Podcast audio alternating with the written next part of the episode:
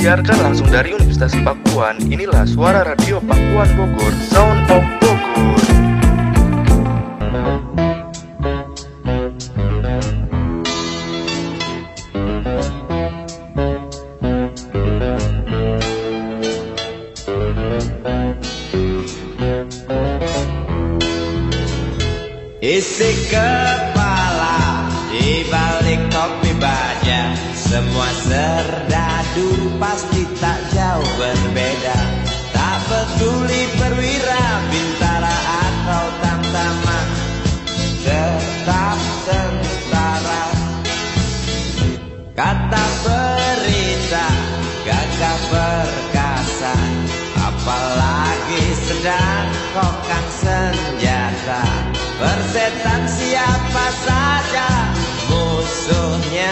Perintah datang.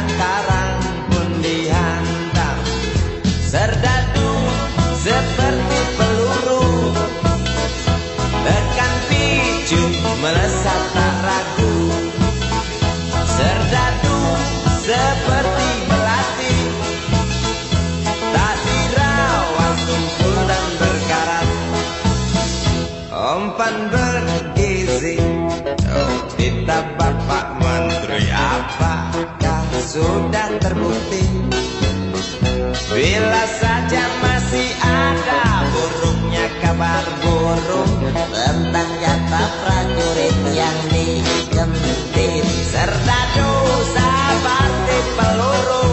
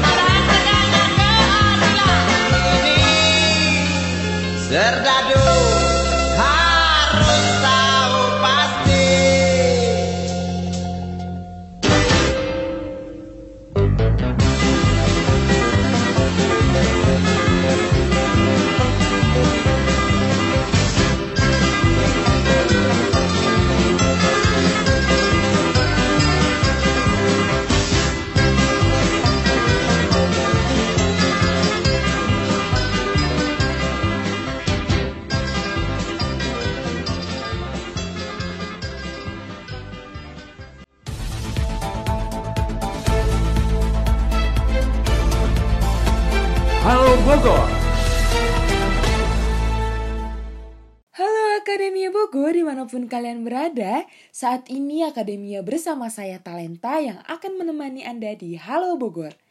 Kami telah menyiapkan sejumlah kabar untuk Anda hari ini. Dan langsung saja inilah Halo Bogor. Akademia Bogor mengawali perjumpaan kita. Kami ajak Anda mengintip keindahan Danau Dora di Kebun Raya Cibinong. Selengkapnya inilah laporan reporter Doni Hendrawan. Kabupaten Bogor akan memiliki destinasi wisata alam baru, yakni Kebun Raya Cibinong.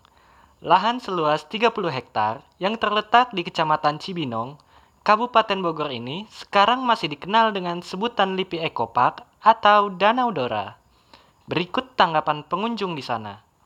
Saat ini, pihak penanggung jawab Kebun Raya Cibinong, Mujahidin, tengah melakukan penataan masif di wilayahnya.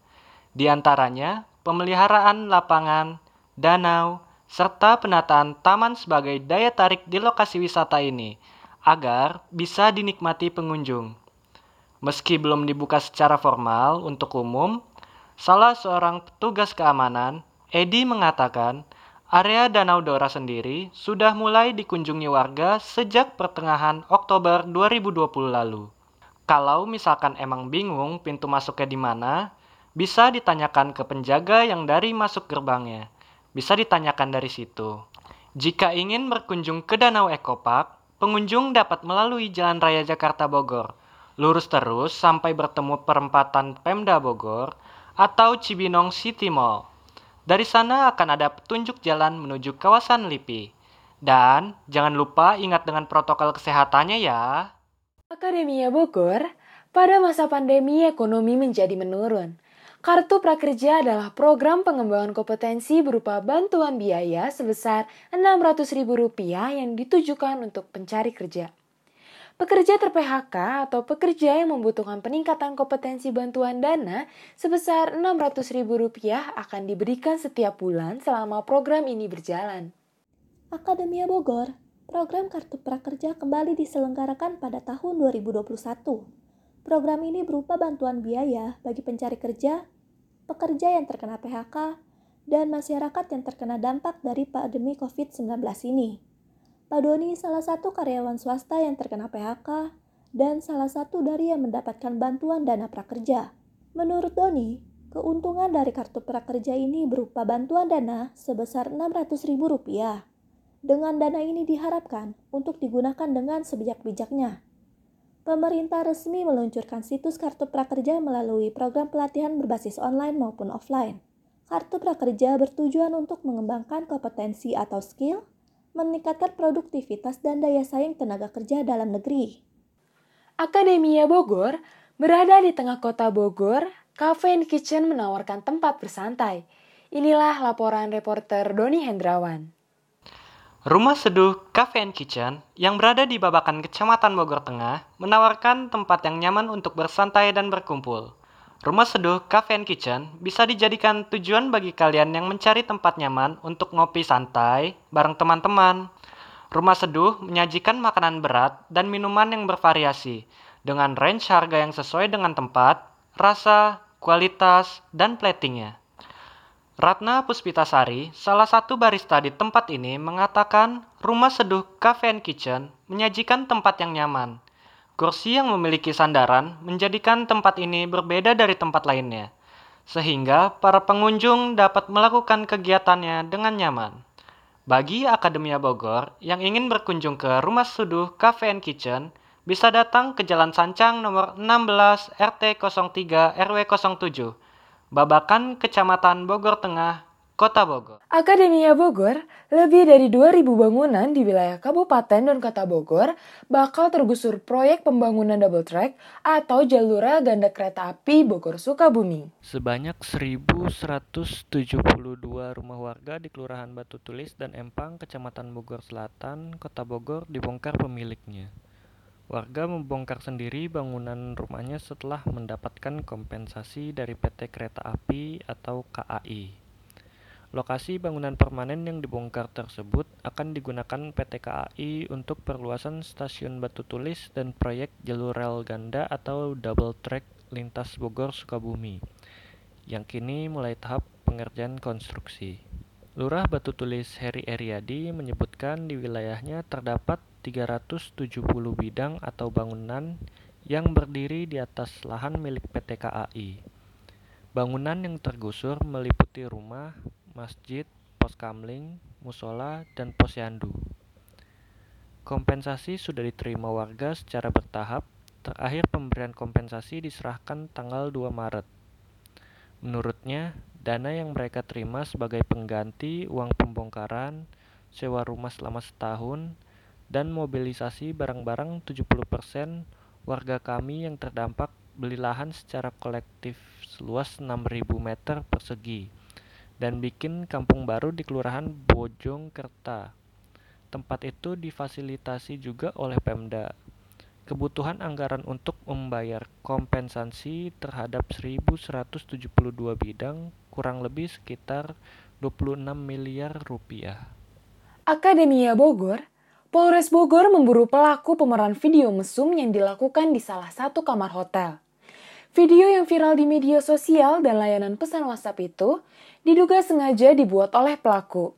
Diketahui sepasang pria dan wanita beradegan mesum di salah satu kamar hotel yang diketahui berlokasi di kawasan Cikeas, Sukaraja, Kabupaten Bogor. Video mesum yang beredar yang sebelumnya 3 menit 21 detik, ternyata durasinya cukup panjang yakni 9 menit. Video mesum itu diduga sengaja dibuat dan untuk dikomersialkan, sebab tampak keduanya saling mengetahui. Bahkan proses pembuatannya dibuat sejak awal masuk hotel hingga berhubungan intim di salah satu hotel yang ada di Kabupaten Bogor. Terlihat kedua pemeran video mesum itu mengabadikan layaknya vlog dengan footage check-in di depan resepsionis hingga memasuki kamar hotel dan beradegan mesum di kursi. Diduga keduanya sengaja memproduksi untuk diedarkan kembali. Buktinya dari video mesum yang diduga diproduksi oleh salah satu akun situs porno dengan nama Feli Angelista, terlihat dari watermark yang ada di pojok kanan bawah video. Dari channel dengan nama anonim itu diunggah tiga pekan yang lalu dan sudah hampir 100 ribu orang yang menonton. Akademia Bogor, cincau merupakan salah satu minuman yang banyak dicari di bulan Ramadan, seperti sekarang ini. Dengan perpaduan kenyalnya jelly dari daun cincau, gurihnya santan, serta manisnya sirup membuat minuman ini memiliki cita rasa yang lezat dan menyegarkan. Di kawasan Jalan Pajajaran Kota Bogor, Jawa Barat, Anda akan menemukan seorang penjual es cincau bernama Nanang Sukandar alias Mr. Nanang. Pria berusia 55 tahun tersebut sempat viral lantaran mampu menguasai empat bahasa secara fasih, yakni bahasa Inggris, Jerman, Spanyol, dan Belanda. Nanang mengungkapkan jika dirinya tidak pernah menganyam pendidikan bahasa asing secara formal. Kemampuannya dalam menguasai bahasa asing hanya ia pelajari secara otodidak dari buku bacaan hingga kamus yang selalu dibawanya saat berjualan. Ia juga banyak belajar bahasa asing dari beberapa buku favoritnya, salah satunya Das Kapital karya filsuf asal Jerman, Karl Marx.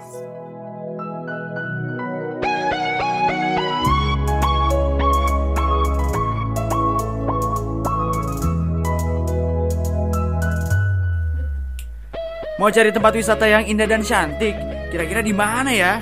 Ups, aku juga lagi cari penginapan atau resort cantik sambil bisa manja-manja gitu deh. Sama ya, aku hobi traveling, hobi wisata alam, wisata edukasi, pokoknya semua-muanya deh. Tapi yang cantik di mana ya? Asik. Jalan-jalan yang deket aja dulu. Jalan-jalan ke mana Santiku? Ai. Jalan bareng ke Bogor aja sambil merencanakan perjalanan jauh. Mau yang paling cantik wisatanya? Jawabannya ke Kabupaten Bogor aja. Bogor memang cantik, cantik-cantik gini. Emang lagi cantik.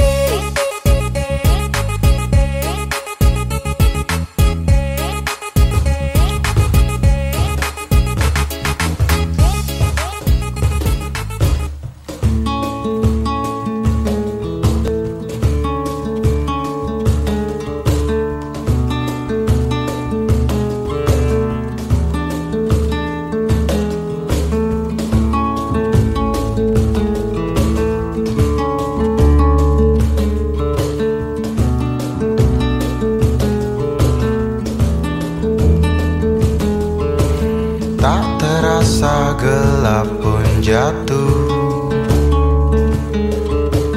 Di ujung malam Menuju pagi yang dingin Hanya ada sedikit bintang malam ini. Mungkin karena kau sedang cantik-cantiknya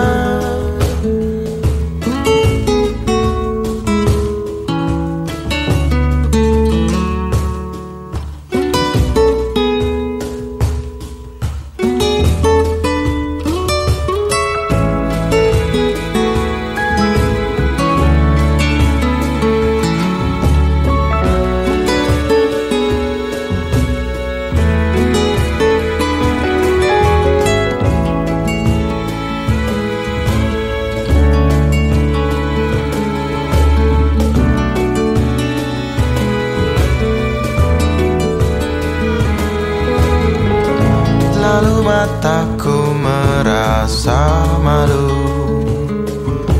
Semakin dalam Ia malu kali ini. Kadang juga ia takut. Tatkala harus berpapasan di tengah pelariannya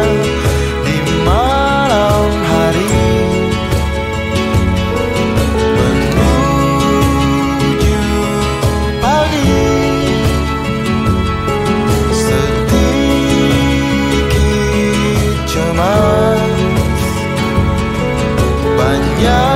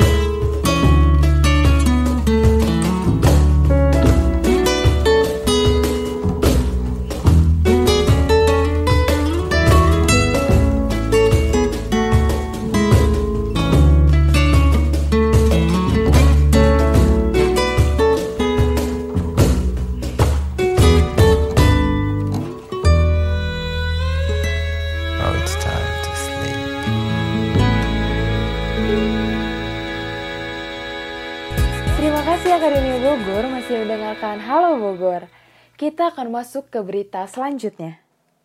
Akademia Bogor, para pedagang di pasar ikan hias mengalami penurunan. Selain minimnya pemasukan, para niat pembeli ikan hias pun berkurang. Penurunan tersebut karena adanya dampak pada masa pandemi. Cecep salah satu pedagang ikan hias emperan di kota Bogor. Ia telah terjun di usaha ini selama kurang lebih 15 tahun. Ia mengaku mengalami penurunan yang cukup signifikan setiap harinya, baik dari segi pembeli maupun kerugian akibat ikan yang mati tidak dapat bisa dijual. Selama masa pandemi, Cecep salah satu pedagang sekaligus pemilik ikan hias emperan hanya mendapatkan keuntungan Rp200.000 per hari dari hasil penjualannya. Ikan yang sering dicari oleh pembeli antara lain ikan nila, ikan mas, ikan kecil seperti ikan koi pun tak jarang menjadi makanan untuk ikan predator seperti arwana. Ikan yang dijual pernah menjadi percobaan oleh mahasiswa dan dibawa ke laboratorium. Ukuran ikan bisa mencapai 8 cm sampai 7 cm. Kalau ini mah kan ikan buat konsumsi, bibit ikan emas. Hmm, ini Ya, ikan mas. ya ikan emas. Berarti ntar mau gedein. Iya, buat gedein. Kadang-kadang ini buat percobaan di lab, di PB yang gitu sini ukuran 8 cm, 7 cm gitu. Eh, bicara tentang keuangan ya, eh, keuntungannya. Ya ada bicara aja paling, deh. paling sensitif ya. Ya ada aja deh gitu. Ada. Ya, Berarti paling dari satu ya. per ekor paling 500 500 rupiah dari satu ekor kalau ikan gini gitu. Kita jual misalkan 2000 ada lebihnya 500 dari satu ekornya. Berarti sebenarnya untuk modal Mas. Iya iya ini ikut modal aja. Eh, terus eh, bicara tentang ini kan terbuka ya eh, lapak Iya terbuka ini. Kendalanya Sini mah keikhlasan dari yang punya toko aja. Yang penting tertib, keamanan, kebersihannya gitu dijaga gitu. ini kan jualannya dia bilang lah emperan ya. Ya emperan ini. Emperan. Iya. Nah, pernah nggak sih itu yang punya kamu kayak merasa mengganggu atau apa gitu? Alhamdulillah sih kagak. gitu. Alhamdulillah Iya, berarti. iya, Alhamdulillah nggak ada masalah. Yang penting kita bersih gitu. Terus untuk pembagiannya murni Babeh sendiri atau ada berapa persennya gitu karena Nggak. orang kan? Nggak, ya nggak ada. Tapi kalau misalkan dari lingkungan sini ada yang membangun apa gitu, suka kita suka bantu gitu. Dari ke ke RT-nya gitu. Suka relawan lah gitu berapa sih kelasnya gitu.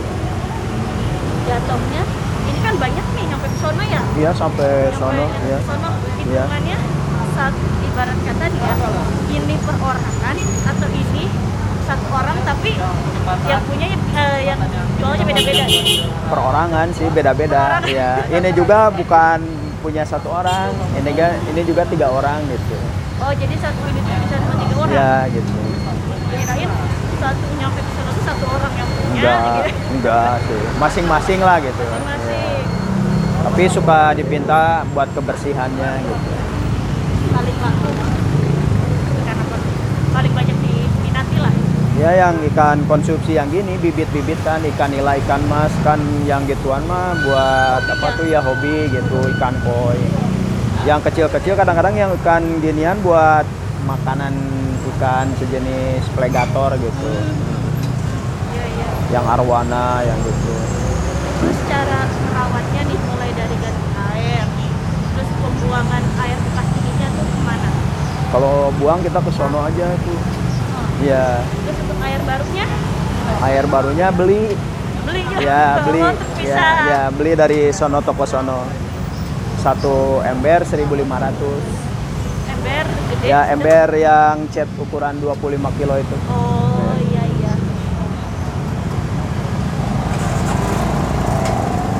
ini sama sama. Sama ini. Kalau ini hias ini mah ya ya ya boy ini mah nggak bisa gede paling gede segede gini ukurannya ya Nggak bisa gede ya buat akuarium gitu kan pak Babeh namanya siapa udah berapa lama jualan di sini Kang Cecep sih Kang Cecep ya Ini udah berapa lama? Ya dari 2005 sekarang 2020, 15 tahun. 15 tahunan lah kurang lebih gitu. Ada yang mau tambahin lagi nggak? Apa? Eh, suka dukanya jual ikan teh Tuh.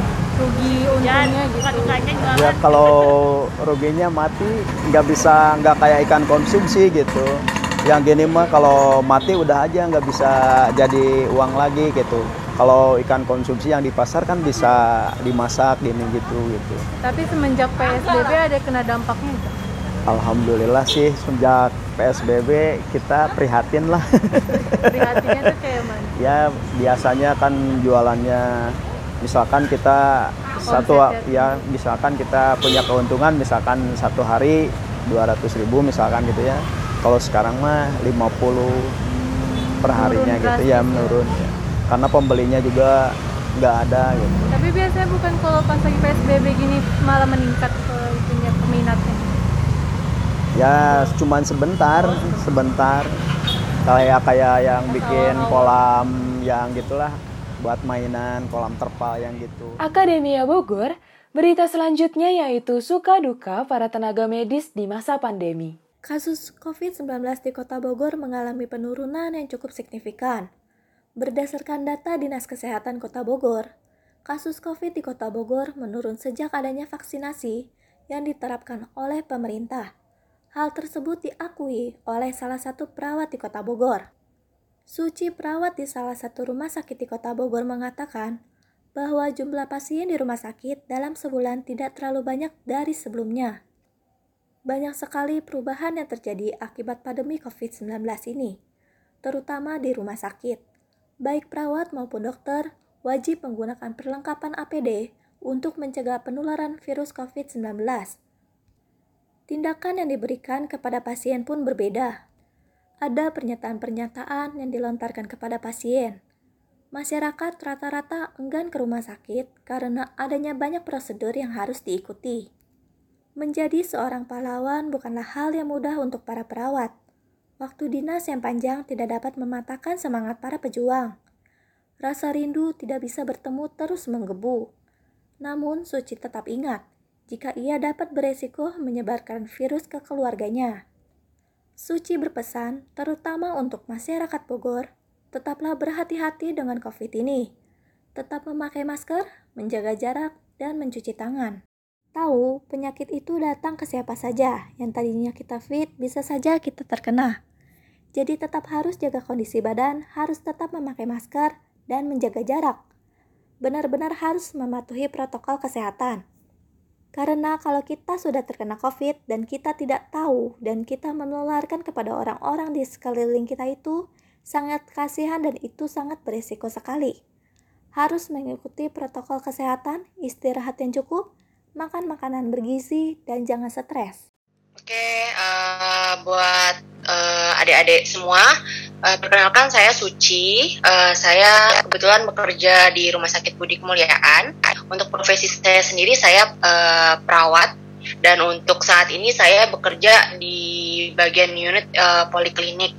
Eh, memang di rumah sakit kami itu eh, saat ini eh, bukan rumah sakit kami aja ya mungkin di rumah sakit eh, saat ini di rumah sakit semuanya kayaknya udah mulai membuka untuk covid. Karena eh, awalnya memang kita nggak buka untuk itu eh, masih karena kita masih kebanyakan eh, pasien-pasien eh, ibu dan anak memang kalau rumah sakit kami memang udah rumah sakit umum cuman eh, saat ini eh, memang lebih banyak dominan itu pasien-pasien dengan ibu-ibu bersalin atau eh, anak-anak ya. Eh, cuman memang eh, saat ini eh, dari eh, apa dari pemerintah juga memang harus diwajibkan gitu untuk rumah sakit membuka eh, layanan COVID karena eh, waktu itu sempat kita ketahui ya eh, COVID itu tuh memang lagi booming banget, lagi banyak-banyaknya pasien dan eh, udah nggak bisa nampung lagi gitu yang pasien rujuk apa rumah sakit rujukan itu udah nggak bisa nampung lagi pasien-pasien COVID sehingga kita harus membuka layanan tersebut. Nah, cuma memang dari rumah sakit kami sendiri eh, kami membagi antara eh, pasien-pasien COVID dengan pasien-pasien umum biasa. Jadi kita ada apa ya kayak ada eh, berbeda gedung eh, dan tentu juga untuk eh, aman dan safety antara kita eh, petugas dan pasien-pasien kami yang lain yang tidak non covid gitu kan jadi kita juga ada screeningnya juga untuk memasuki rumah sakit kami gitu jadi memang ada layanan tapi kita eh, di apa ada apa ya kayak tempatnya itu berbeda kita apa eh, ada perbedaan gitu ruangannya untuk gedungnya terus untuk petugasnya pun eh, terpisah seperti itu. Oke boleh eh, kalau ada adik eh, pertanyaan dari adik-adik boleh bisa nanti saya bantu. Eh, mungkin kak selama pandemi ini mungkin kayak ada perbedaan gitu ya kan misalkan kayak menangani pasien selama covid sama tidak selama covid. Mungkin ada pertanyaan ke lebih eh, ke buat ke pasien selama covid ini kak. Jadi pertanyaan pertamanya itu selama pandemi ini apakah pasien lebih banyak atau berkurang kak? Ya justru memang semenjak COVID ini pasti ya ada eh, dampaknya sekali gitu. Jadi banyak banget perubahan-perubahan dari yang sebelum COVID sampai yang sekarang COVID tuh banyak sekali perubahannya. Baik dari penggunaan APD, terus baik dari eh, apa namanya eh, tindakan kita, tindakan kita ke pasien gitu kan. Terus pertanyaan-pertanyaan yang kita ajukan ke pasien. Terus eh, berikut juga dengan eh, jumlah pasien pun memang eh, berdampak sekali ya gitu. Ada penurunan itu pasti karena memang eh, rata-rata masyarakat itu kan eh, takut ya eh, untuk rumah sakit eh, semenjak ada pandemi ini dan memang waktu awal-awal itu kita membatasi pasien-pasien kita untuk datang ke rumah sakit. Jadi memang eh, waktu dulu itu kita membatasi karena kenapa takutnya kalau misalkan eh, cuma sekedar keluhan biasa datang ke rumah sakit takut kita masih belum bisa terscreening dengan baik. Cuman untuk saat ini sih memang udah mulai terscreening dengan baik ya. Udah cukup baik lah istilahnya.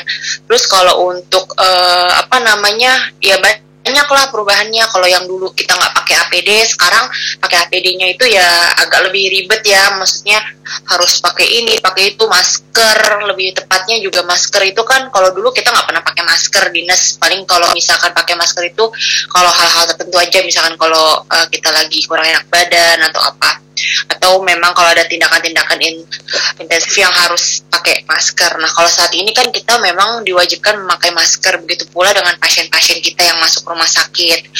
Terus eh, kayak ya, ya APD lah itu kan termasuk APD.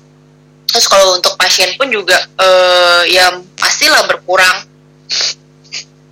Dan sekarang karena untuk masuk rumah sakit pun kita eh, dibedakan gitu. Jadi kalau untuk pasien-pasien jadi ya harus dicek segala macam kan untuk masuk rumah sakitnya juga dan mungkin itu juga menjadi faktor pasien-pasien juga males gitu untuk eh, kalau nggak penting-penting banget kayaknya nggak usah ke rumah sakit gitu kayaknya. Jadi kalau misalkan dalam sebulan itu ada berapa pasien ya Pak yang terkena COVID? Hmm, kayaknya sih kalau untuk sekarang-sekarang sudah mulai berkurang ya nggak kayak yang dulu awal-awal. Cuman eh, memang kan kalau untuk menentukan pasien itu COVID atau tidak itu memang harus dilakukan swab namanya ya swab PCR. Mungkin udah pada tahu ya sekarang-sekarang beritanya kan tahu. Dan untuk itu kan juga memang memerlukan waktu untuk eh, mendapatkan hasil itu. Jadi memang rata-rata sih pasien yang kita tangani kebanyakan sih eh, non covid cuman eh, mungkin karena screening jadi tuh kan kita eh, screening itu bisa dari rapid eh, terus yang terbaru itu kan eh, rapid eh, antigen ya rapid antigen itu sama kayak swab yang dari hidung juga dan itu eh, kadar apa namanya eh, untuk eh, benar-benar akuratnya itu kan beda-beda ya. Kalau PCR yang benar-benar 100% itu PCR. Kalau PCR itu kan waktunya waktu jangka eh, waktunya kan lama ya, cukup lama. Jadi satu kali 24 jam baru baru bisa kelihatan itu positif apa enggak. Nah, itu baru benar-benar yang positif kalau misalkan memang terkena itu positif hasilnya. Tapi kalau kayak yang lainnya kayak rapid itu kan cuman cuman berapa persennya. Terus kayak satu lagi yang rapid antigen itu yang dari hidung juga itu juga kan hasilnya eh, nggak sampai 100%. Jadi itu hanya screening awal aja. Jadi kita kalau misalkan pasien untuk kayak tindakan-tindakan yang perlu rawat inap kita kan nggak mungkin melakukan PCR ya karena itu lama banget. Jadi kita lakukan screening awal. Kalau memang screening awalnya hasilnya eh, misalkan ke arah eh, COVID misalkan kayak rapidnya eh, reaktif atau kayak swab antigennya nih eh, hasilnya eh, reaktif. Nah itu kan belum tentu dia positif COVID karena kita harus menentukan lagi dengan PCR Nah, kalau misalkan dalam sebulan itu sih eh, kayaknya nggak nggak terlalu banyak ya. Paling kalau di total-total eh, sekarang-sekarang mungkin kalau sehari sehari aja ya paling ada lah satu dua. Kalau 30 ya bangsa-bangsa 30 kurang sih kalau aku rasa ya. Karena memang rumah sakit kita tuh bukan rumah sakit rujukan. Jadi nggak begitu banyak. Jadi rata-rata tuh pasien yang datang eh, Eh, karena screeningannya karena screeningannya gitu kan screeningannya misalkan rapidnya reak, eh, rapidnya posi, eh, apa antigennya positif. Tapi pas dicek ulang ke PCR kan itu harus dicek ulang ke PCR ternyata PCR-nya eh, negatif. Nah gitu. jadi memang nggak benar-benar positif 100% gitu. Jadi hanya suspek apa ya kayak suspeknya benar-benar uh, belum tentu dia positif gitu. Jadi kalau misalkan ditanya sebulan berapa kak yang positif ya nggak akan sebanyak itu, maksudnya nggak terlalu banyak totalnya gitu. Karena kebanyakan rata-rata suspek. Terus pasti kan kayak menangani pasien COVID ada suka dukanya dong kak di kakak sendiri pribadi gitu kan. Nah suka dukanya tuh apa? Pribadi. Iya suka dukanya apa ya? Kayaknya kalau suka kurang nggak ada ya, nggak ada ya sukanya ya. Karena nggak eh, apa ya? Kalau suka sih nggak ada. Kalau duka banyak. Kalau misalkan dibilang suka mana ada sih yang suka dengan keadaan covid seperti ini kan? Eh, dinas jadinya panjang waktunya. Terus eh, jadi memang banyak banget perubahan. Kalau dibilang jam kerja, kalau eh, kebetulan aku di poliklinik. Kalau poliklinik memang eh, jam kerjanya biasa aja. Sekarang biasa aja. Cuman kalau yang di ruangan itu jam kerjanya lebih ekstrim daripada kita di poliklinik.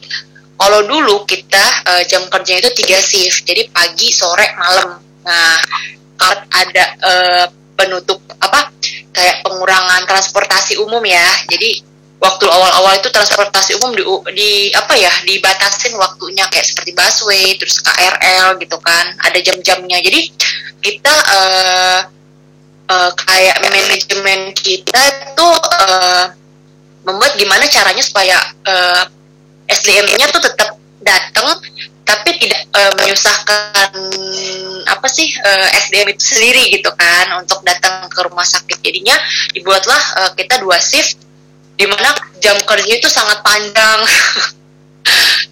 Dua shift jadi ada yang eh, lebih lelahnya pas yang di dinas malam sih. Kalau dinas malam itu kalau nggak salah berapa ini kalau dinas pagi dari jam 7 sampai dengan jam 5 terus yang dinas mal eh, yang shift berikutnya itu dari jam 5 sampai jam 7 pagi. Nah itu kan lelahnya bukan main ya yang tadinya tiga shift aja udah lelah banget apalagi yang dua shift. Itu eh, tapi dan itu ternyata setelah sekarang-sekarang ini malah berlanjut.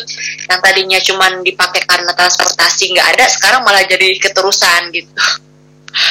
Karena kan waktu itu sempat yang new normal terus tiba-tiba eh, nggak dibatasin lagi terus tiba-tiba new normal lagi gitu kan. Jadi ya mungkin daripada eh, bikin ribet akhirnya dibikin dua shift terus memanjang.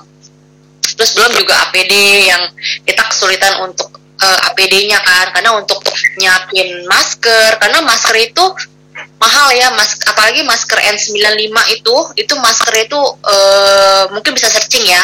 Kawan-kawan mungkin bisa searching di kayak di Shopee atau apa itu memang harganya mahal.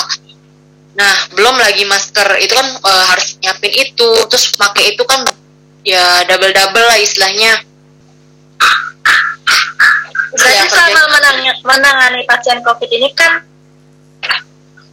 kakak bertambah tuh ya yang tadi kakak bilang. Hmm. Dan pastinya kan waktu kakak dulu kan pasti akan bertambah kan kak.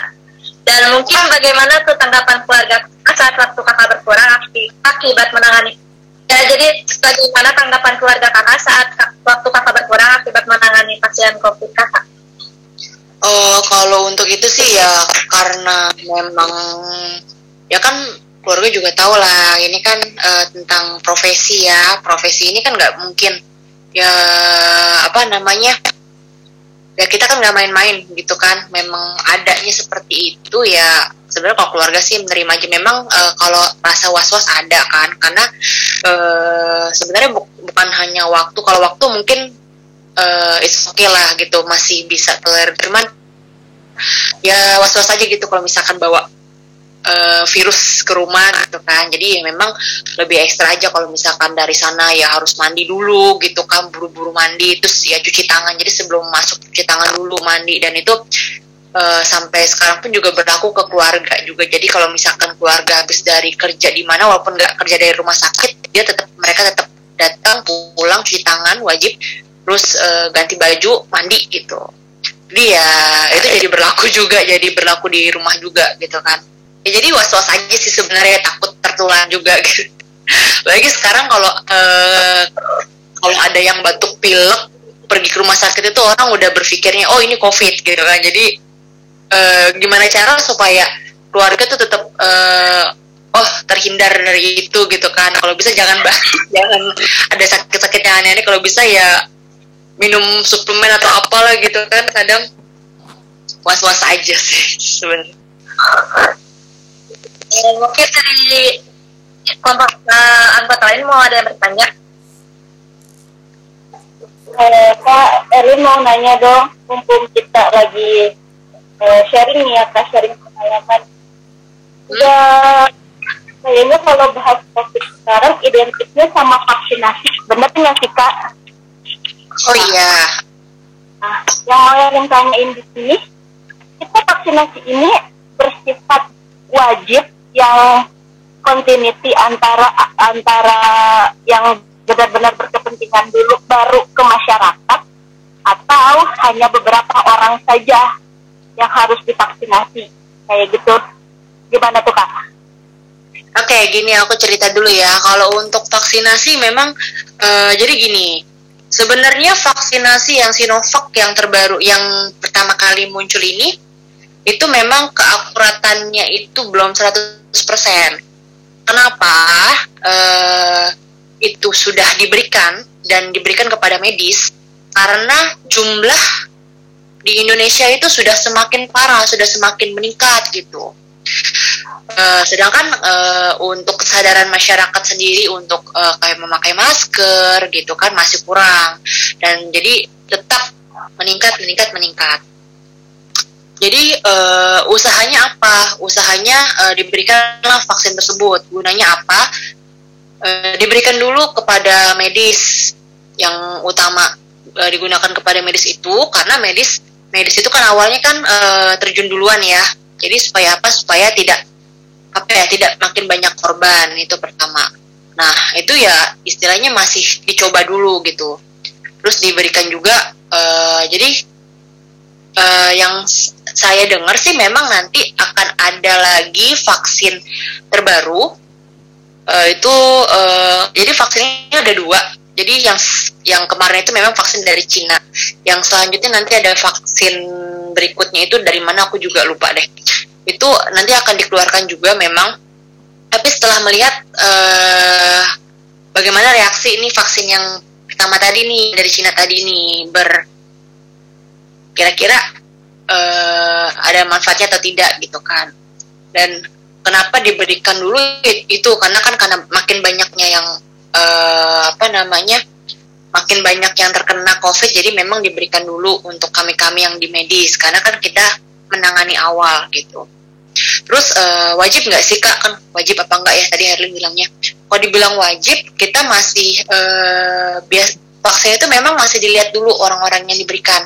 Pertama eh, kita berikan yang terdepan dulu terus eh, biasanya memang bergilir. Jadi untuk sekarang eh, waktu itu juga sempat eh, kayaknya yang aku dengar itu setelah eh, medis kayak bagian guru ya guru. Kan guru itu bertemu juga ya sama eh ini ininya apa namanya kayak murid-muridnya. Itu guru setahu aku tuh terus eh bukan sebelum guru itu kalau nggak salah bagian ini deh kayak polisi angkatan gitu-gitu. Karena mereka juga terjun langsung kan. Itu mereka terus baru bagian guru terus nanti baru masyarakat. Jadi memang bertahap nah nah kemarin tuh memang sekarang-sekarang ini lansia dulu dari lansia. Dan itu eh, biasanya kita screening juga jadi nggak langsung semua orang diberikan vaksin. Jadi eh, nanti dilihat dulu kondisinya. Kalau misalkan jadi nanti ada pertanyaannya juga jadi nggak semua orang harus divaksin gitu. Ada pertanyaan juga kalau misalkan dia ada penyakit bawaan atau apa dan memang tidak di- bisa divaksin di hari itu ya tidak diberikan gitu. Dan memang kalau kayak lansia-lansia itu itu harus direkomendasi dulu sama dokter. Kalau misalkan tidak direkomendasi sama dokternya ya tidak tidak diberikan. Terus eh, ada lagi apa namanya eh dan aku juga waktu itu pernah dengar dari dokter jantung aku penggunaan vaksin ini bukan berarti eh, setelah kamu divaksin kamu nggak akan terkena tidak akan terkena covid gitu. Jadi kamu eh, terus apa nih gunanya kak divaksin tapi tetap kena covid? Itu gunanya eh, jadi gini divaksin itu agar kan kuma- kuman covid itu kan banyak ya istilahnya. Jadi eh, gunanya tuh divaksin ini agar ketika kamu kena covid eh, kamu nggak terlalu eh, berat gitu covidnya gitu Ya Kak Suci ada pertanyaan lagi dari Doni. Eh, ini mau minta tanggapan dari Kak Suci pribadi ya. Menurut Kak Suci itu efektif gak sih itu eh, dengan adanya di diadakannya vaksinasi itu? Kalau menurut aku sih ya efektif aja. Maksudnya ini kan sebuah usaha ya, sebuah usaha dari eh, pemerintah juga, sebuah usaha dari bagian kesehatan juga gitu kan. Eh, tapi bukannya berarti eh, dengannya kita divaksin kita lalai nggak pakai masker itu juga salah. Maksudnya di sini kan kita berusaha gitu. Eh, gimana mungkin mungkin kalau misalkan setelah divaksin eh, keadaan yang tadinya eh, yang tadinya penyakit covid itu meningkat bisa menurun jadi istilahnya kita juga agak lebih eh, santai lah nggak terlalu yang kayaknya ketakutan dengan covid gitu. Dan memang yang tadi aku bilang disuntik vaksin itu nggak berarti tidak kena apa enggak nggak kena sama sekali nanti sama covid. Oh aku udah disuntik nih. Oh gue bebas jadi nggak usah pakai masker karena gue nggak perlu eh gue nggak bakal kena covid. Itu nggak nggak seperti itu. Jadi bisa saja terkena covid tetapi mungkin gejalanya agak lebih ringan gitu. Yang tadinya bisa membahayakan mengancam nyawa tapi itu istilahnya lebih ringan lah gejalanya seperti itu. Jadi ya menanganinya lebih susah lagi gitu istilahnya kan daripada hanya menangani pasien yang cuma sekedar eh, kena covid tapi gejalanya ringan gitu kan masih bisa diatasi. Tapi kalau yang udah ya kayak kemarin-kemarin kan yang sebelumnya itu kan benar-benar yang ICU saja sampai penuh semua gitu kan itu kan eh, angka kematian juga semakin jadi makin tinggi gitu. Ya kalau menurut aku ini sih sebuah usaha ya. Eh, selagi memang kita lagi coba ya ya nggak apa-apa istilahnya. Yang penting kan istilahnya nggak merugikan juga. Kalau kalau misalkan merugikan ya baru deh istilahnya. Ini kan eh, kita juga toh diberikannya gratis dan istilahnya nggak nggak merugikan gitu Iya berarti untuk meringankan dulu gitu ya. Kak. iya Hmm, Baik terima kasih. Ini mau sekali lagi boleh ya kak? Boleh boleh. Kalau misalkan dari tadi nanya penggunaan vaksin sendiri, kalau kalau Erlin mau nanyanya gini kak, tanggapan kakak atau ada nggak sih eh, uja, bukan ujaran apa ya lebih ke sosial sosialisasinya kakak tentang masyarakat yang hingga saat ini menganggap pandemi ini antara ada dan tiada kan masih banyak nih orang yang nggak mau pakai masker atau masih berkerumun tuh banyak banget kan sekarang nah tanggapan kakak sendiri tuh seperti apa? Oke, ya kalau hmm, ya gimana ya? Kalau menurut aku eh, mereka itu karena belum pernah belum pernah merasakan COVID, jadi mereka menyepelekan. Tapi kami yang di rumah sakit itu benar-benar eh, sangat-sangat apa ya melihat sendiri gitu kenyataannya memang COVID itu ada. Covid kenapa kita bilang ada? Oh iya kamu kan petugas kesehatan nah, kamu dibayar untuk ini. Nggak seperti itu kita juga lelah gitu untuk eh, adanya covid itu kita lelah gitu kan. Capek lah istilahnya kita nggak bisa bersama keluarga dengan bebas gitu kan. Kita harus pakai masker terus. Terus eh, apa namanya gaji pun juga kita biasa nggak yang ada penambahan gaji yang kayak kata orang bilang wah gitu kan. Eh, dan memang harusnya masyarakat tuh harusnya sadar. Dan adanya dengan vaksin ini ya ikutlah istilahnya kalau memang eh, ini kan istilahnya tidak merugikan. Kalau mis eh, vaksinnya juga gratis istilahnya kan. Menurut aku eh, ya ayolah gitu. Eh, kita vaksin eh, kita bangun eh, apa namanya eh, kesehatan ini tuh bareng-bareng gitu. Jangan sampai dengan yang kita sakit merugikan orang lain gitu ya. Kalau dibilang percaya nggak percaya awalnya memang nggak percaya soal covid. Tapi pas lihat secara langsung dan merasakan sendiri itu benar-benar apa ya eh ya bakalan tahu deh gimana.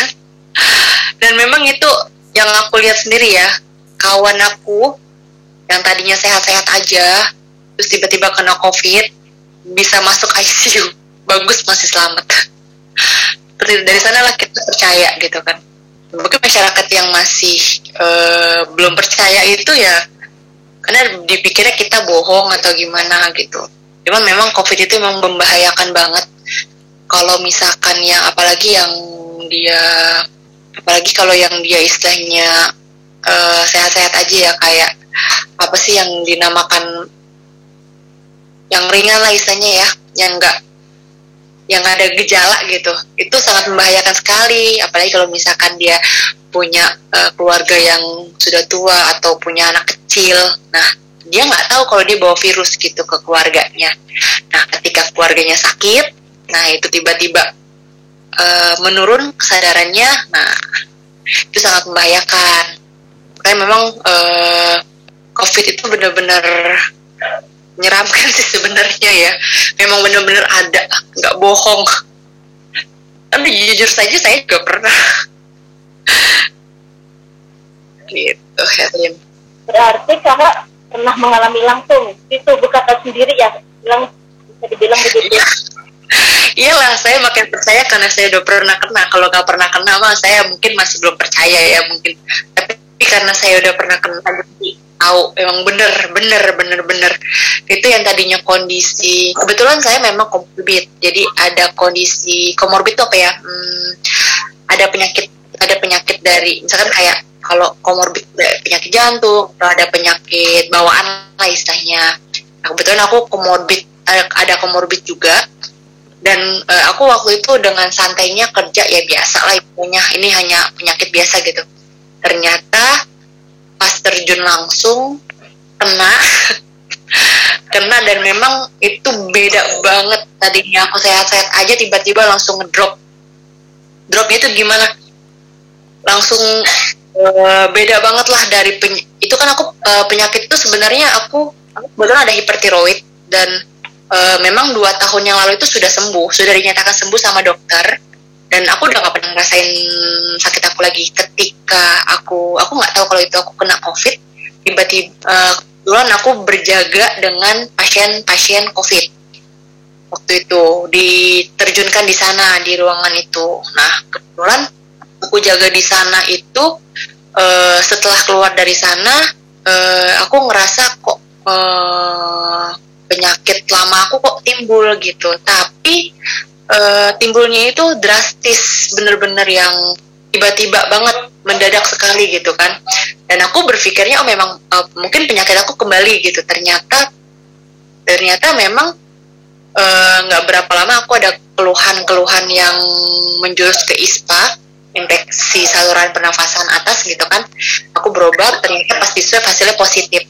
Nah dari sana berkelanjutan memang eh, gejala yang penyakit hipertiroid aku itu eh, lebih berat daripada yang aku rasakan sebelumnya jadi berdebar-debar gitu kan terus memang berubah sekali deh memang benar-benar lebih eh, kalau menurut aku sih lebih parah daripada yang sebelumnya aku pernah kena pertama kali gitu. Jadi apalagi kalau iya, macam-macam komorbid gitulah kalau kayak orang komorbid kayak aku tuh bener-bener berbahaya banget kalau kena covid. Mungkin kalau yang sehat-sehat seger-seger gitu kan masih covid ya biasa-biasa aja. Tapi kalau yang kayak buat kayak yang udah tua gitu kan atau yang ada eh, penyakit bawaan, aduh itu ya hati. Akademia Bogor, proses penanaman pohon di lahan PT Perkebunan Nusantara 8 atau PTPN 8 di Desa Tugu Selatan, Kecamatan Cisarua, Kabupaten Bogor. Jutaan pohon ditanam di kawasan Gunung Mas, Desa Tugu Selatan, Kecamatan Cisarua, Kabupaten Bogor. Penanaman pohon sendiri dilakukan oleh pihak PT Perkebunan Nusantara 8 atau PTPN 8. Direktur Utama PT Perkebunan Nusantara 8 atau PTPN 8 Muhammad Yuda Hayat mengatakan, ada 1.721 juta bibit pohon keras dan tanaman vetiver yang ditanam di atas lahan seluas 2.151 hektar. Tujuannya adalah untuk menghijaukan lahan-lahan kritis. Selain itu, penanaman tanaman ini untuk mengembalikan fungsi lahan sebagai daerah penjaga dan resapan air. Penanaman 1.721 juta bibit pohon keras dan tanaman vetiver tersebut sekaligus sebagai salah satu antisipasi dini bencana longsor yang kerap terjadi di kawasan tersebut. Halo Akademia Bogor, jangan ke mana-mana dulu ya, karena masih banyak nih berita lainnya setelah ini. Tetap di Halo Bogor, stay tune!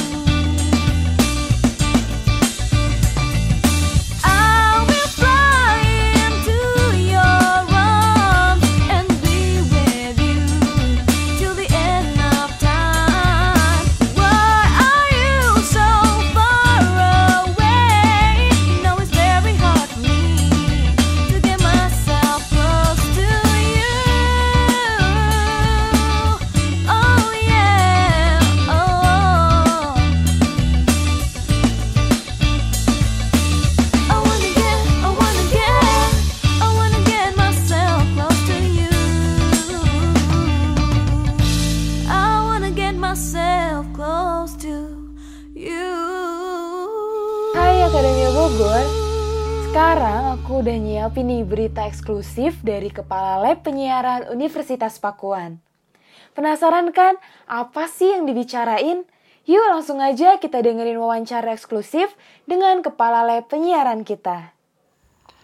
Kepala Laboratorium Penyiaran Prodi Ilmu Komunikasi FISIP Universitas Pakuan Bogor, Intan Trikusuma Ningtyas menyebutkan setelah tidak digunakan dalam rentang waktu yang panjang di masa pandemi, kini laboratorium penyiaran telah bisa digunakan oleh mahasiswa untuk melakukan praktikum, termasuk penambahan peralatan yang baru. Ditambahkan Intan, untuk menjalani protokol kesehatan, satu kelas dibagi menjadi dua untuk mengurangi kerumunan. Selain itu, disediakan sarung tangan dan hand sanitizer. Untuk kenyamanan, di dalam lab tidak diperbolehkan memakai kaos kaki, dan sudah disiapkan juga rak sepatu dan loker untuk menaruh jaket dan tas di area luar. Intan mengingatkan, selama praktikum berlangsung, tidak diperbolehkan untuk membawa makanan dan minuman. Akademia Bogor, Bupati Ade Yasin menghimbau pemuda Bogor agar kreatif.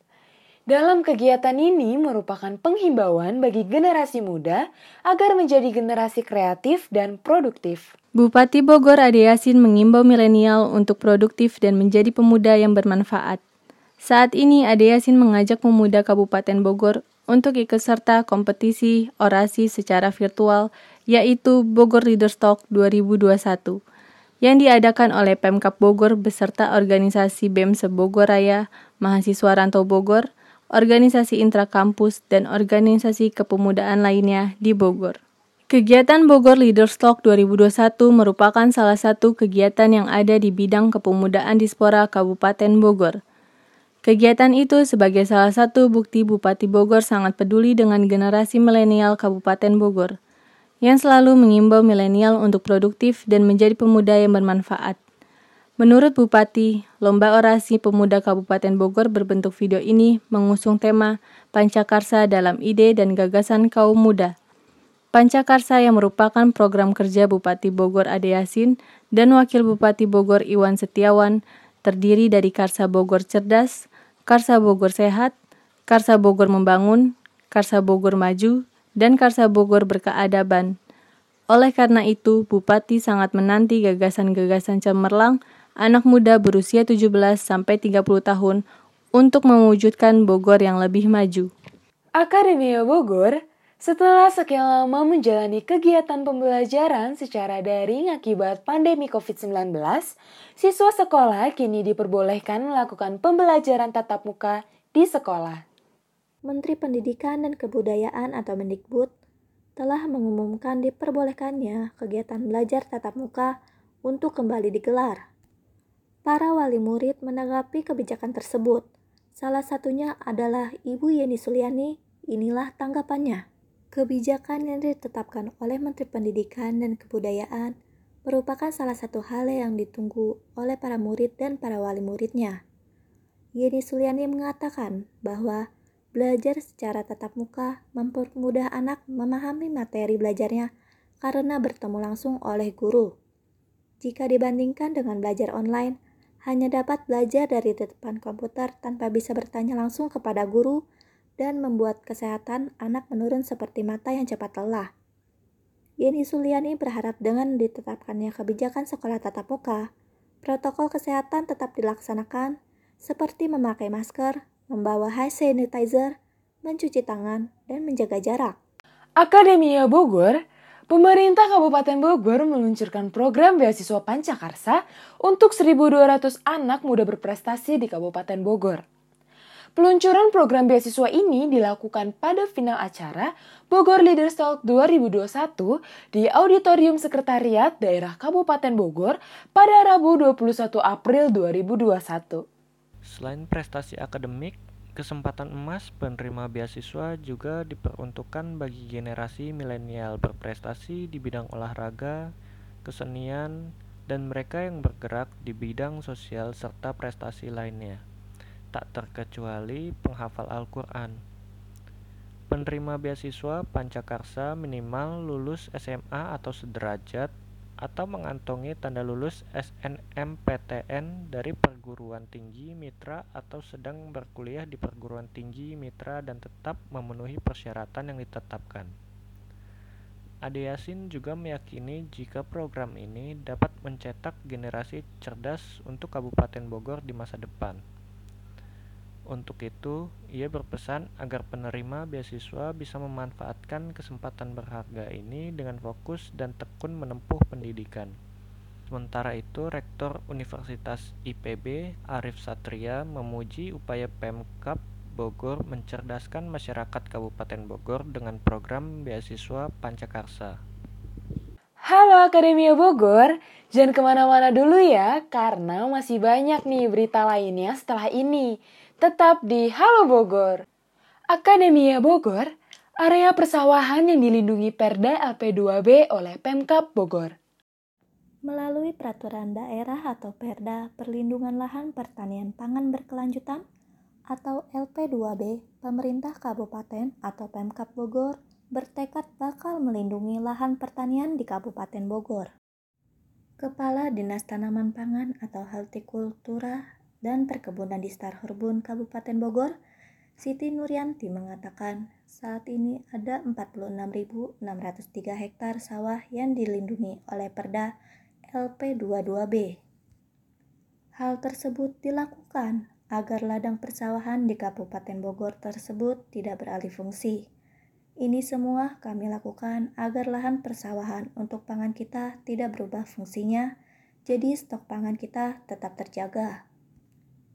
Dari 46.630 hektar sawah yang ada di dalam Perda LP2B, pihaknya memprediksi bahwa awal tahun ini diperkirakan akan dipanen sebanyak 33.660 ton gabah. Dengan di mana pada Januari lalu 4.802 ton gabah sudah dipanen, lalu pada Februari ada 10.192 ton gabah dan pada Maret ini terdapat 12.150 ton gabah yang dipanen. Sedangkan untuk April mendatang kami prediksi ada 5.000 742 ton gabah yang akan dipanen.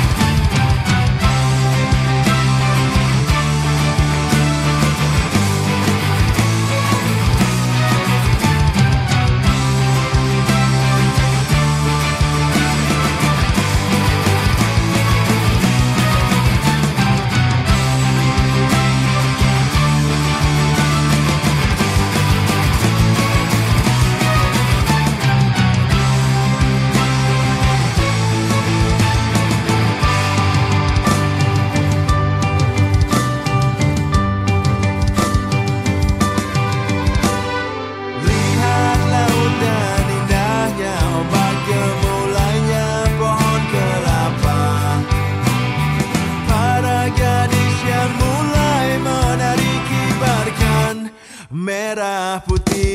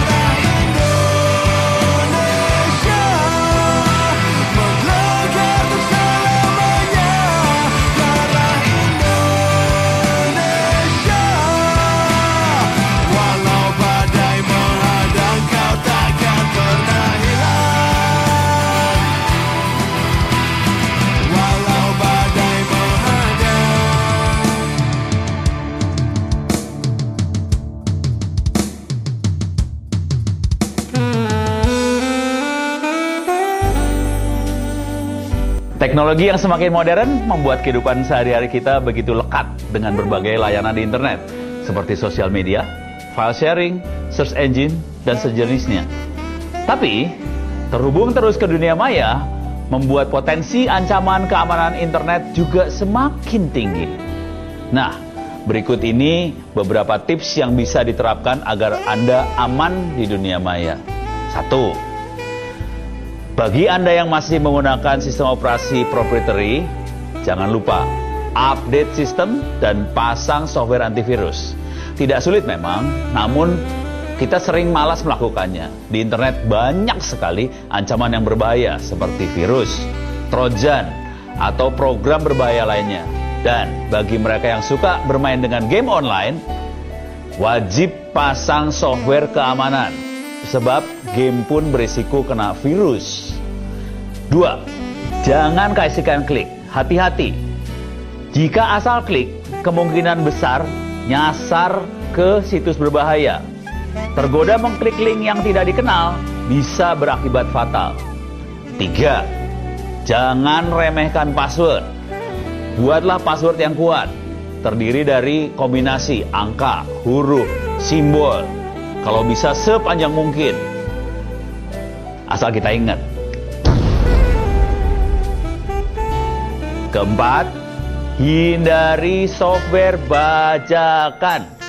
Jangan pernah pakai software bajakan karena berisiko disusupi program jahat. Kelima, waspadai serangan di media sosial. Jagalah informasi privasi yang uh, kita di media sosial.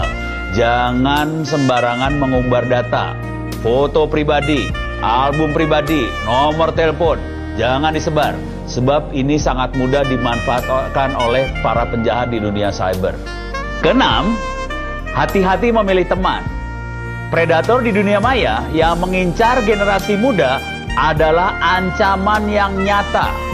Hati-hatilah saat meng-add atau meng-approve teman. 7. Hati-hati saat mengunduh video. Berhati-hatilah karena banyak sekali virus yang bisa bersembunyi dalam video. Unduhlah video dari sumber yang terpercaya. Kedelapan, waspada saat di area Wi-Fi. Jangan lupa setting firewall di laptop atau di tablet PC-mu saat memakai internet publik seperti Wi-Fi dan hindari transaksi finansial di jaringan publik. Jika mau lebih aman lagi, pakai open source.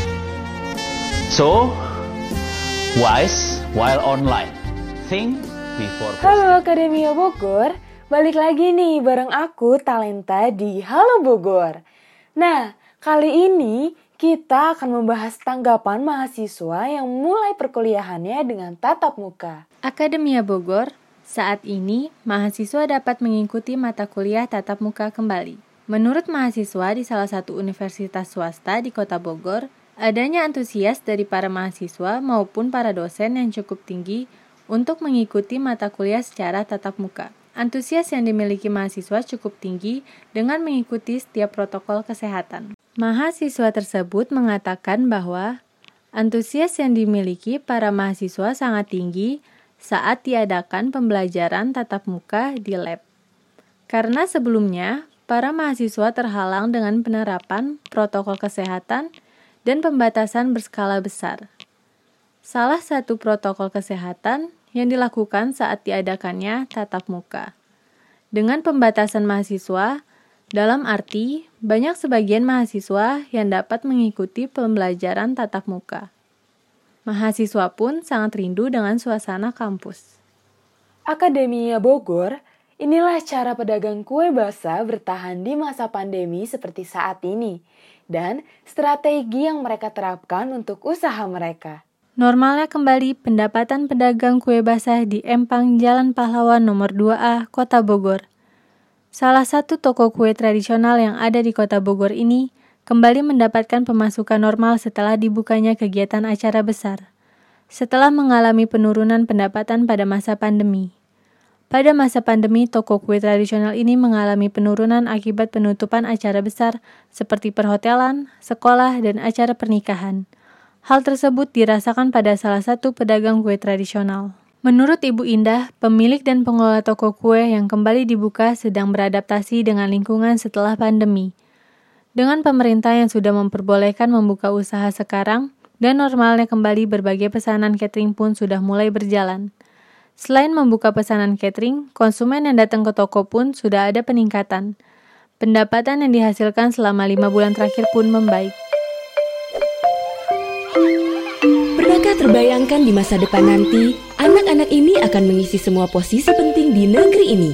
Ada yang menjadi guru, petani, pegawai negeri, pengusaha, dokter, seniman, tentara, peneliti, sampai presiden. Di Indonesia saat ini, ada 90 juta lebih anak dan remaja berusia 0 sampai 19 tahun.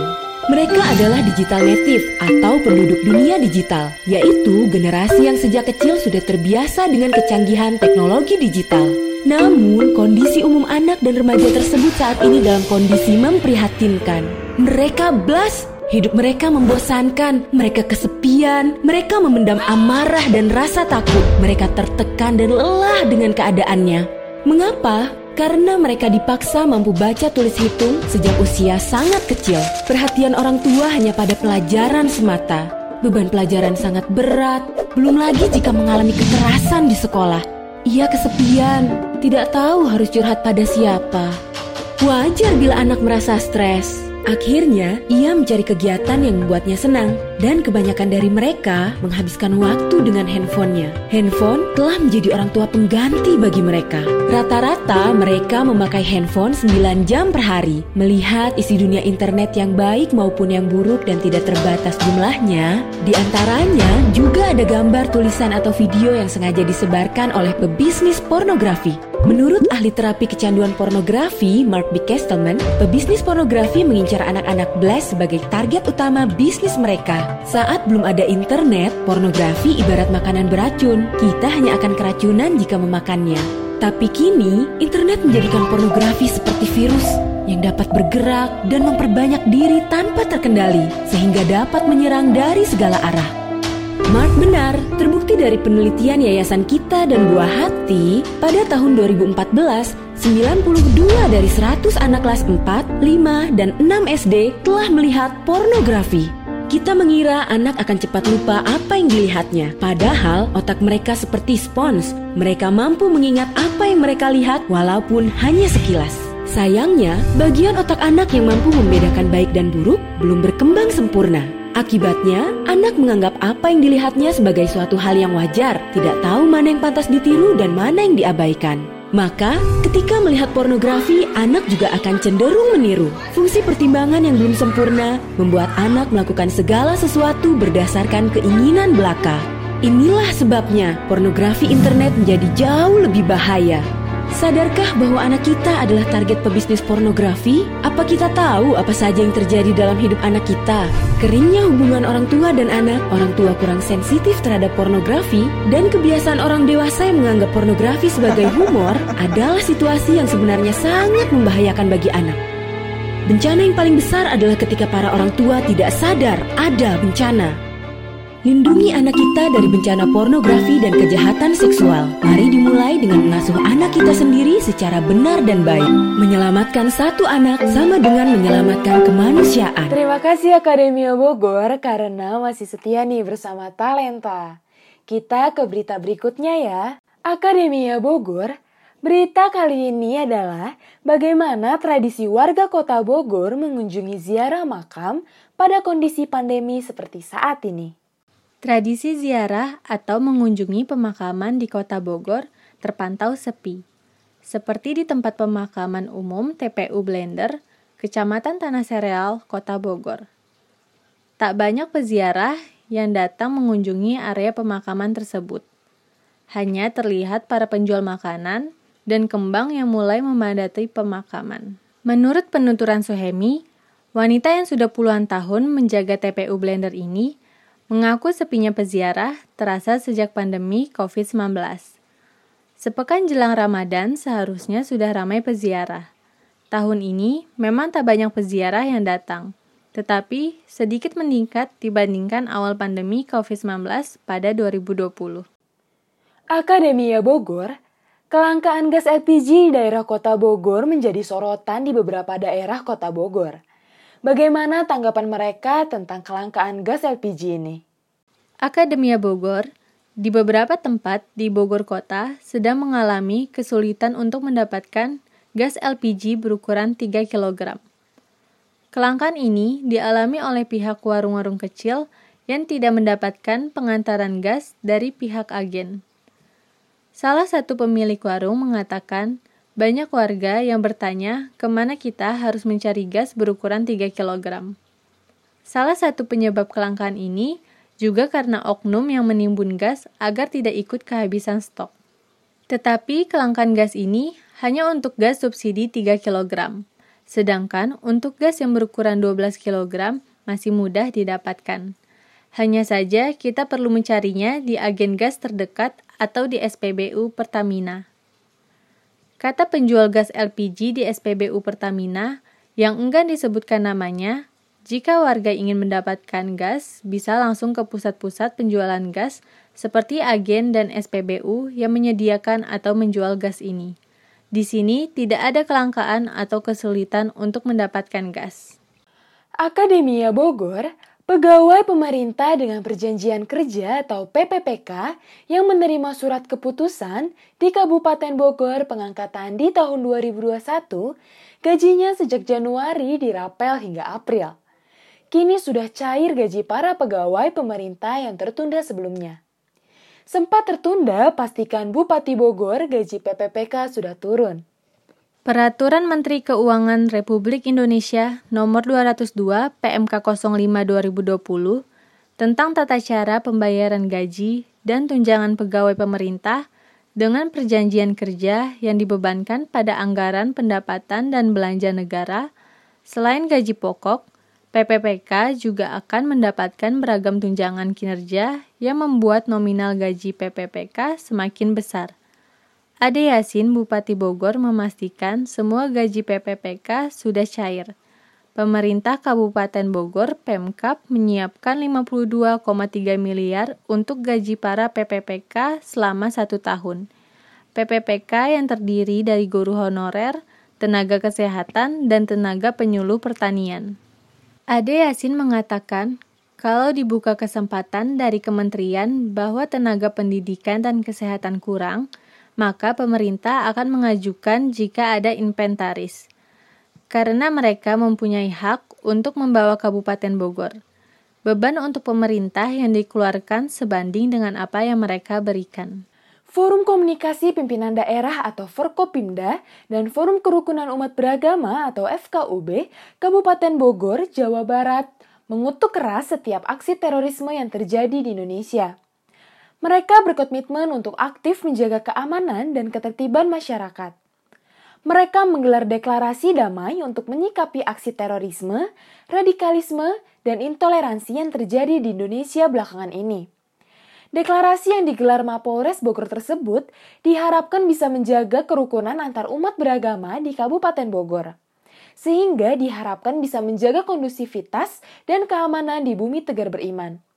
Berikut pernyataan sikap yang dibacakan oleh KPCNU Kabupaten Bogor, Kiai Haji Aim Zainuddin berikut ini. Di tempat yang sama, Bupati Adi Yasin berharap aparat maupun tokoh agama dapat melakukan deteksi dini terhadap tindakan radikal usai menyatakan sikap anti-radikalisme dan anti-intoleransi. Akademia Bogor, Curug Cibulao adalah salah satu air terjun yang terkenal di Jawa Barat. Curug ini berada di kawasan Megamendung, Puncak Bogor. Nama asli Curug Cibulao adalah Curug Hulu. Penamaan dari Curug Cibulao ini berasal dari air terjunnya itu sendiri. Curug Cibulao memiliki keunikannya tersendiri sehingga para wisatawan terus berdatangan ke tempat ini. Curug Cibulao memiliki dua lewi atau kolam dengan kedalaman yang berbeda-beda di masing-masing kolam. Lewi yang pertama memiliki kedalaman sekitar 8 meter. Lewi ini lebih dalam dibandingkan dengan lewi kedua yang hanya memiliki kedalaman sekitar 5 meter. Kedua lewi ini memiliki air yang sama-sama jernih. Perlu diingatkan kembali bahwa Curug Cibulao ini memiliki air yang sangat jernih berwarna biru. Tak hanya itu, bagi para wisatawan yang tidak ingin pulang karena terpesona akan keindahan Curug Cibalao ini, maka para pengunjung dapat bermalam di camping ground yang telah disediakan oleh pengelola. Tarif penginapan di Curug Cibulaut per malamnya tidak mahal, hanya 20.000 per orang. Sedangkan untuk alat-alat yang dipakai untuk bermalam, para wisatawan dapat membawanya dari rumah masing-masing. Air terjun ini terletak paling atas dari air terjun lainnya dan berada di aliran sungai Cirarang. Bagi warga di sekitar Paseban, Curug Hulu adalah sumber air untuk minum dan kebutuhan dapur lainnya.